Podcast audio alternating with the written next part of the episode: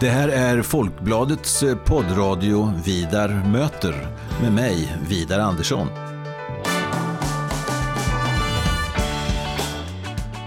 Jag är eh, chefredaktör på Folkbladet och jag är också ansvarig för Folkbladets ledarsida som eh, skrivs utifrån en oberoende socialdemokratisk hållning. Så i den här poddradion kommer jag att möta politiska personer av olika slag och vi ska ha ganska så korta och hoppas jag rappa samtal om stora och små samhällsfrågor. Varmt välkommen till Vidar möter.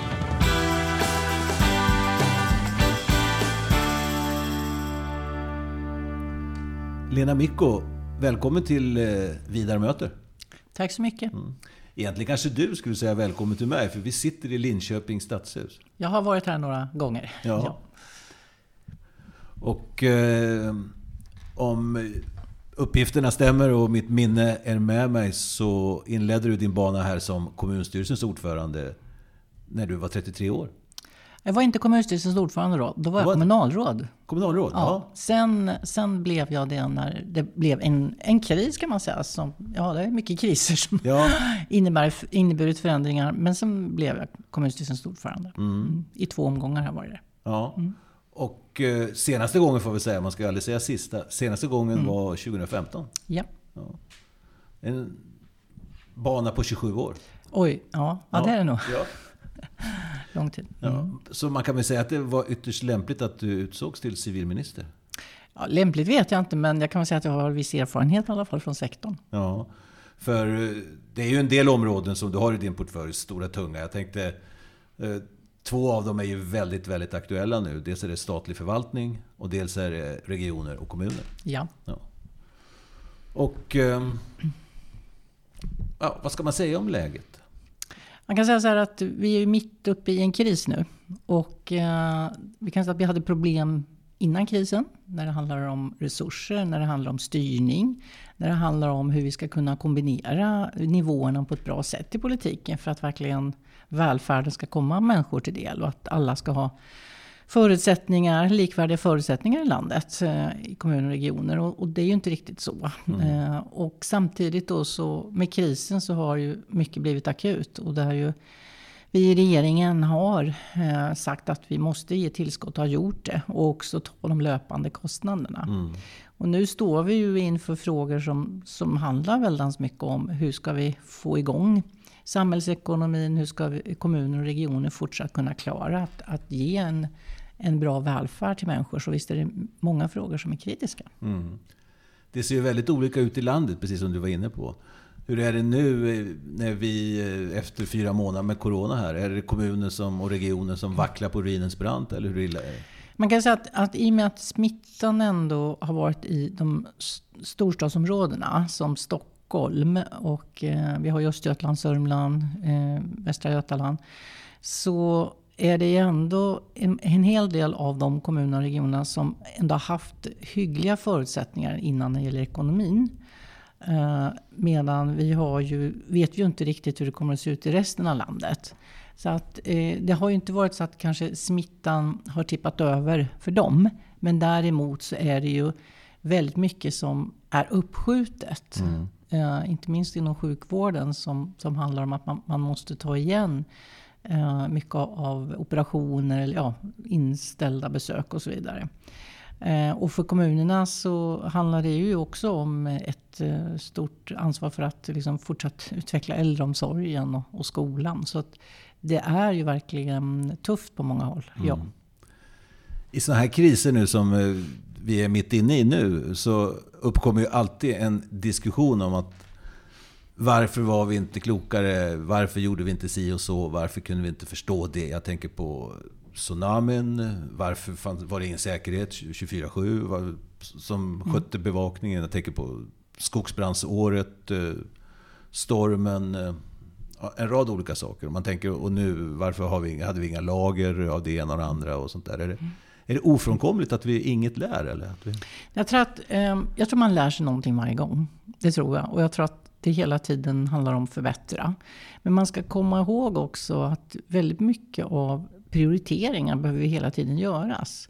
Och det som har varit ett problem och som, som jag fortsatt kan se, det är att vi inte tänker hela samhällsorganisationen alltid. Vi tänker inte kanske, eh, om, om inte den nationella nivån har det här ansvaret, vem har det då? Mm. Är det det lokala, det regionala? Och det där tror jag varje gång, hoppas jag verkligen i alla fall, innebär fler läxor. Nu är mm. den här största krisen ändå i modern tid.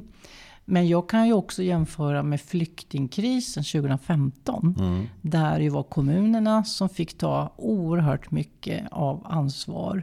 Där, staten, där vi kritiserade staten för att man inte hade någon samordning. Mm. Sen togs de initiativen i regeringen med ett samarbete mellan departement och, och ministrar som också hjälpte till slut.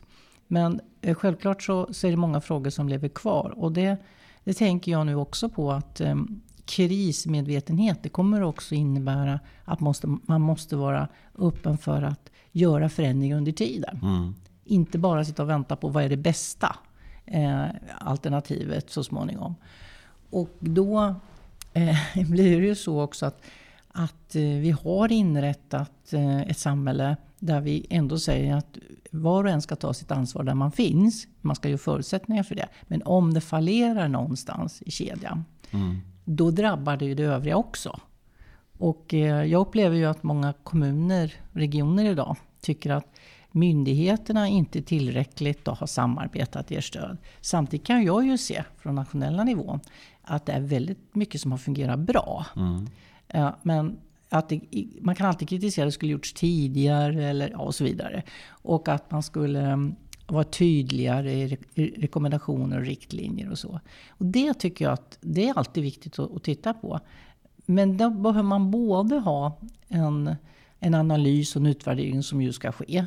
Och vara beredd samtidigt på att, att förändra under tiden. Och vi har många sådana diskussioner tycker jag ständigt i regeringen. Mm.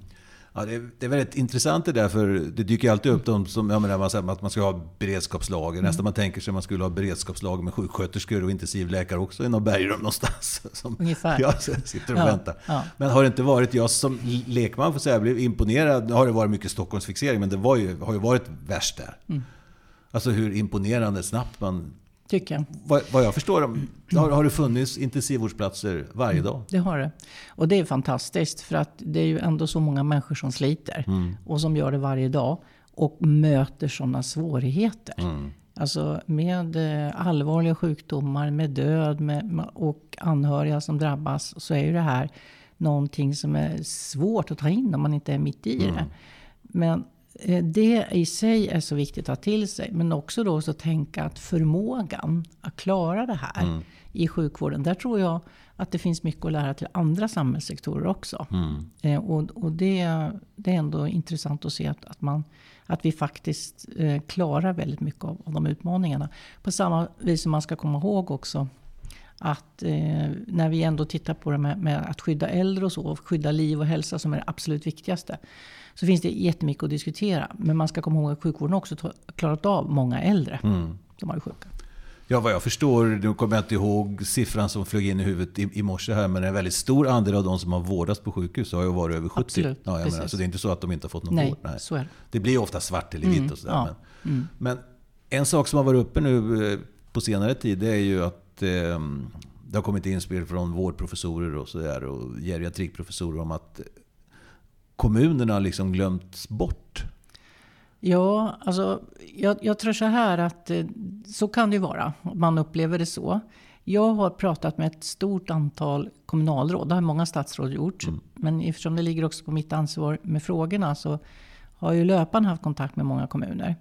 Och då har jag ju märkt att de kommuner där smittan inte har kommit mm. ännu riktigt. De är väldigt tidigt ute med sina krisberedskapsplaner och ändå se vad händer. Mm. Samtidigt så blir det så att när man hör om vad som händer i Stockholm och situationen där, då är det väldigt många också som blir oroliga. Mm. Och personal, och vi har ju liksom Folkhälsomyndigheten som ju med rätta har sagt att känner man eh, någon liksom, eh, någon känsla av att man håller på att bli sjuk eller är orolig för det så har man stannat hemma. Det har ju gjort att det också har blivit svårigheter att klara av mm. befintlig äldreomsorg. Och sen så eh, ges det ju eh, inte riktigt svar på frågan när kom smittan in? Hur kom smittan Mm. in? Det behöver man titta på. Det finns ju de som säger att det kanske hände i höstas, för man inte vet det. Mm. Eh, Så att det tror jag man ska vara ödmjuk inför.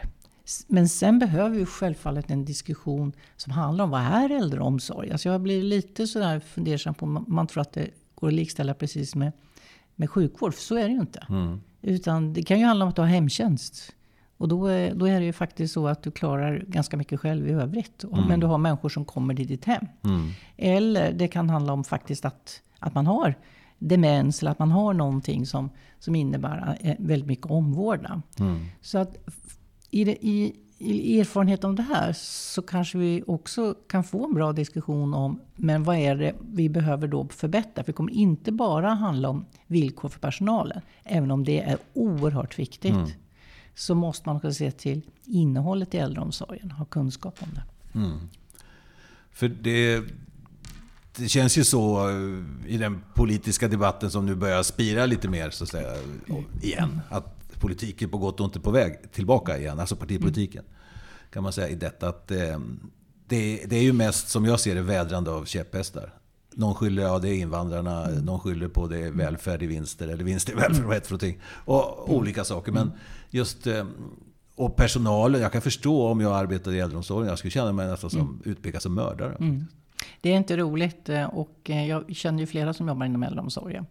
Och jag vet ju att hur mycket de har att tackla och hantera. Och helt klart är genom åren, det är jag första att säga, att eh, resurser, mer resurser behövs till området. Absolut. Eh, Men ett stort problem har också varit eh, att staten har givit kortsiktiga eh, resurstillskott till äldreomsorgen. Och jag tycker Du fortfarande menar riktade bidrag? riktade statsbidrag som tar slut sen efter ett tag. Eh, och samtidigt så, så är det så att ehm, man behöver också fundera på är det likadant? eh, Behoven på att lösa frågorna, ser de likadana ut i Arjeplog som de gör i Stockholm? Och eh, att ta hänsyn till det är viktigt. Därav att jag tror att eh, fyrkantiga regler inte kommer att lösa eh, situationen. Men jag tycker att staten, naturligtvis i det ansvar man har med väldigt mycket av finansieringen, har rätt att ställa krav på de nationella målen. Det är ju det som är politikens uppgift. Och det är ju många som har frågat mig när jag har med min bakgrund. Ja. Men, men liksom, eh, då måste du ju se nu att du, det här förändras helt och hållet med, med mål och med rekommendationer och att, att det inte är så centralstyrt. Fast då menar jag så här, att man måste ha en förståelse för att riksdag och regering, med tanke på den roll man har, måste få veta också att det ger resultat i vad man gör. Och där, där måste kommuner, regioner och staten mötas betydligt bättre än vad som har varit fallet tidigare. Jag läste PM Nilsson på Dagens Industris ledarsida. Det har varit uppe från andra också, men han gjorde det nyligen så det ligger långt fram i minnet där. Och jämförde med förskolans utveckling. Alltså från barnpassning och dagis för 20-25 år sedan till en egen profession, till ett eget yrke, till eh, den, klart. ja, och det vi är mest nöjda med, vad jag förstår. 95% av dem är väldigt nöjda. Och han menar att den vägen borde äldreomsorgen gå. Ja, men det är en intressant jämförelse tycker jag. Och det finns andra som också har beskrivit att eh, vi har inte så mycket av utvecklingsarbete igång. Eh, och, och, och även om vi har haft det så har det blivit kortsiktigt. Det har blivit projekt och sen har, har varit svårt att få bredden i detta och kunna se det. Och, och, och lära av detta. Och, det kan jag också se. Så att, eh, det, och inte minst forskningens betydelse i, på området. För att eh, faktiskt eh, eh, också fundera både på verktygen, eh, personalens utveckling, eh, frågan om vilka frågor man ska lösa, sam, samarbete med övriga sjukvård, med andra sektorer i samhället. Och det är ju jättespännande frågor. Och det vore väldigt bra om vi kunde få fart på det arbetet. Eh, och, och där finns det ju en del kommuner som ligger långt framme flera områden. Och det, då, inte minst blir det en uppgift för SKR kanske att arbeta mycket med det i samarbete med regeringen. För själva förskolan och med läroplan, alltså de statliga inkliven i verksamheten är stora. Mm, det är de verkligen. Ja. Eh, Det är de och det kommer alltid vara, eh, och det är bra att det är en spänning emellan vem som ska göra vad.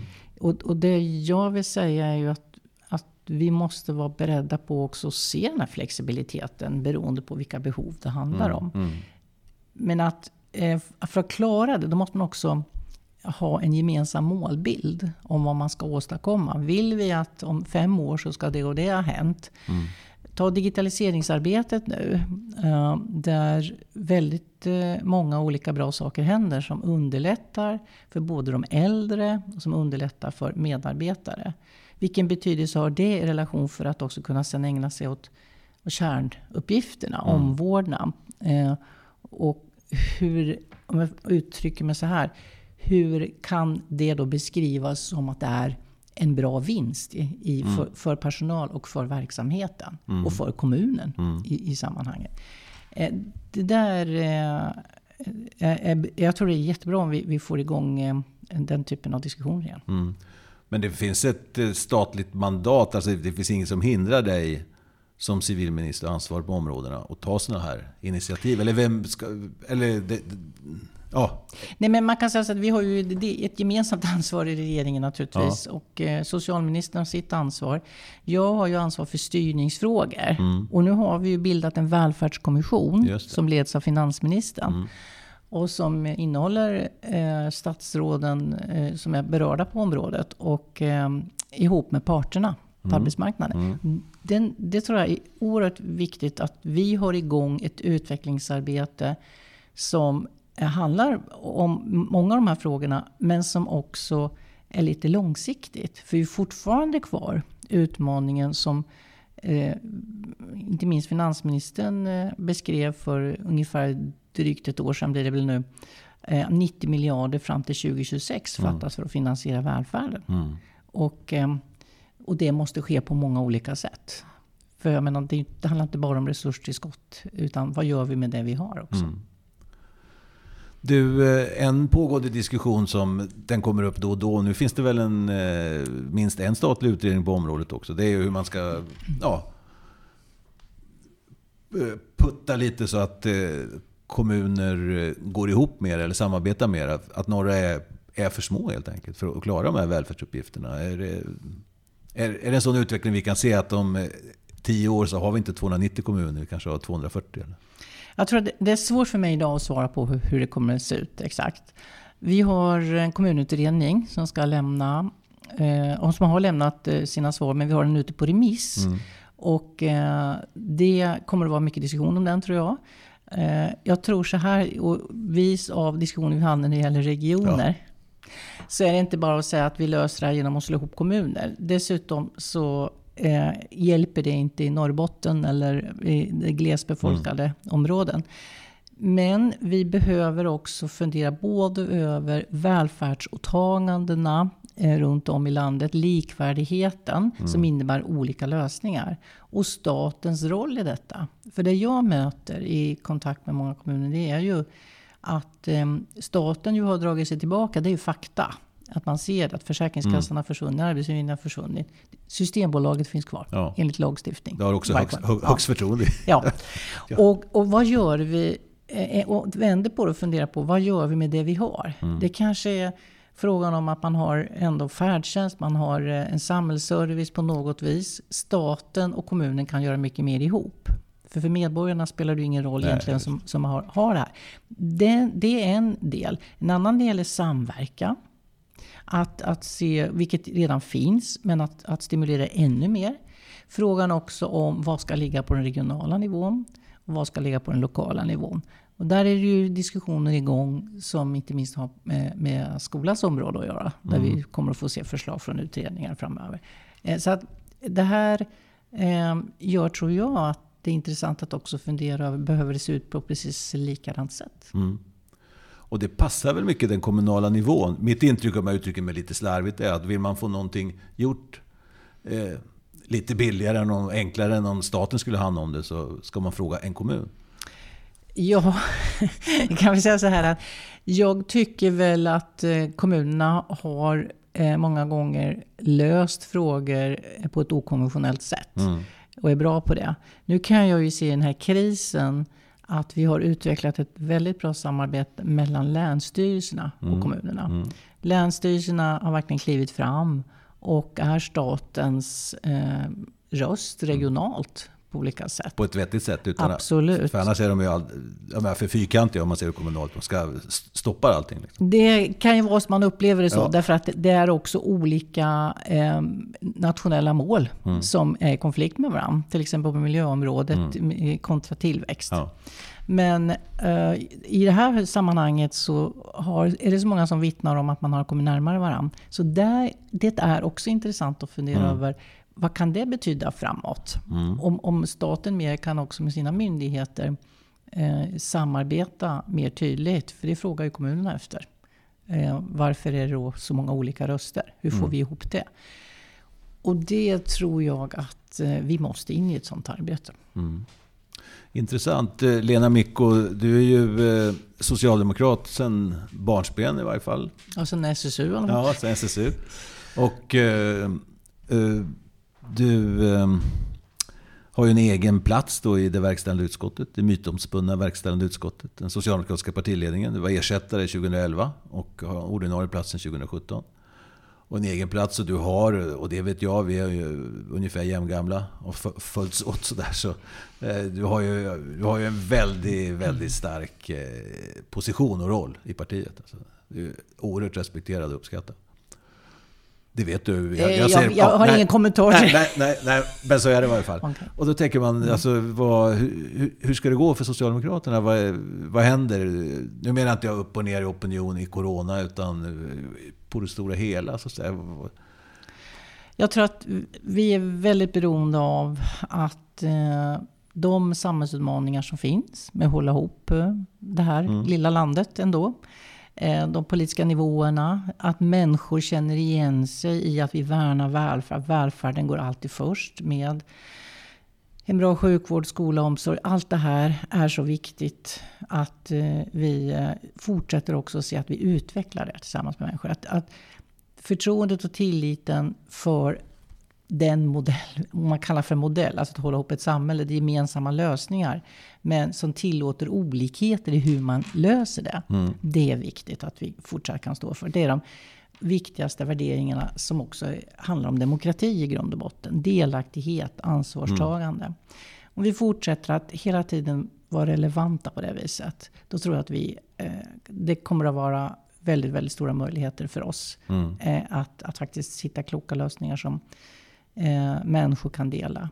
Men vi måste också se då till att vi samarbetar också med andra rörelser. Med eh, rörelser som där man kanske inte har känt att hemvisten har varit naturligt socialdemokratin. Mm. Men det är närbesläktat. Civilsamhällets mm. stora bredd. Det vill säga att människor i, i grunden alltid har trott att samhället handlar om att man ska hjälpas åt. Och då måste man också tillåta att man kanske gör det här på flera olika sätt. Mm. Att det inte ska hota liksom, sammanhållningen. Det tror jag är intressant. Mm. Att se hur vi kan eh, få kalla det för eh, stödja och stimulera det. Mm. Avslutningsvis några ord om det mer politiska hantverket i denna fråga om den socialdemokratiska framtiden. Så det gick ju, jag tänker efter valet 2018, då var det ändå 60-40 mot oss om man, man, tänker i omröstningarna om talman och statsminister när han fick gå först Löfven. Efter valet så 40-60 ungefär. Och ändå lyckas man bilda en socialdemokratisk regering. Och det är skicklighet och tur och oförmåga på andra sidan och sådär. Men eh, man kan ju inte ha fru Fortuna le mot sig varenda gång. Eller jag menar, vad har du... Socialdemokraterna måste ju hitta, några, hitta partners, alltså partipolitiska partners också. Mm. Om det ska bli något. Men det är ju intressant att vi ändå har åstadkommit det vi har idag mot alla odds. Och att det aldrig är så att vi menar att makten i sig är ett mål. Det är att faktiskt ha möjlighet och inflytande att förändra samhället som vi vill göra. Och att det ändå är det som står på spel. Och då att se de krafterna som ändå finns. Att söka det här samarbetet. Det gäller ju mellan partier också. Mm. Då är det ändå historiskt det som har skett på nationell nivå.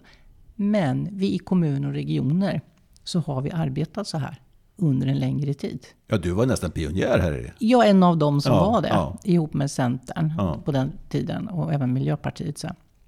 Och det eh, har ju visat sig att då får man ju, det, det är svåra frågor hela tiden, men man ser ändå till ja, men vi måste ju hitta lösningar. Mm. För, vi, för människor förväntar sig det. Mm. Då närmar man sig varandra. Och man har också respekt för varandras eh, värderingar och åsikter. Och mycket av det här i grund och botten ser man är gemensamt. Då har jag stort hopp till att vi fortsätter att faktiskt ha det här samarbetet. Eh, och sen får man se hur det utkristalliserar sig. Men jag tror vi är en bit på väg i det. Sen kommer det att vara miner hela tiden. Och i sakfrågor och så. Men vad är alternativet? Det är fortfarande så att det här handlar i grund och botten om att samarbeta för, för att ändå kunna se till att vi har ett bra samhälle för människor att leva i. Stort tack Lena Micko för att du ville vara med i Vidare möter. Tack så mycket.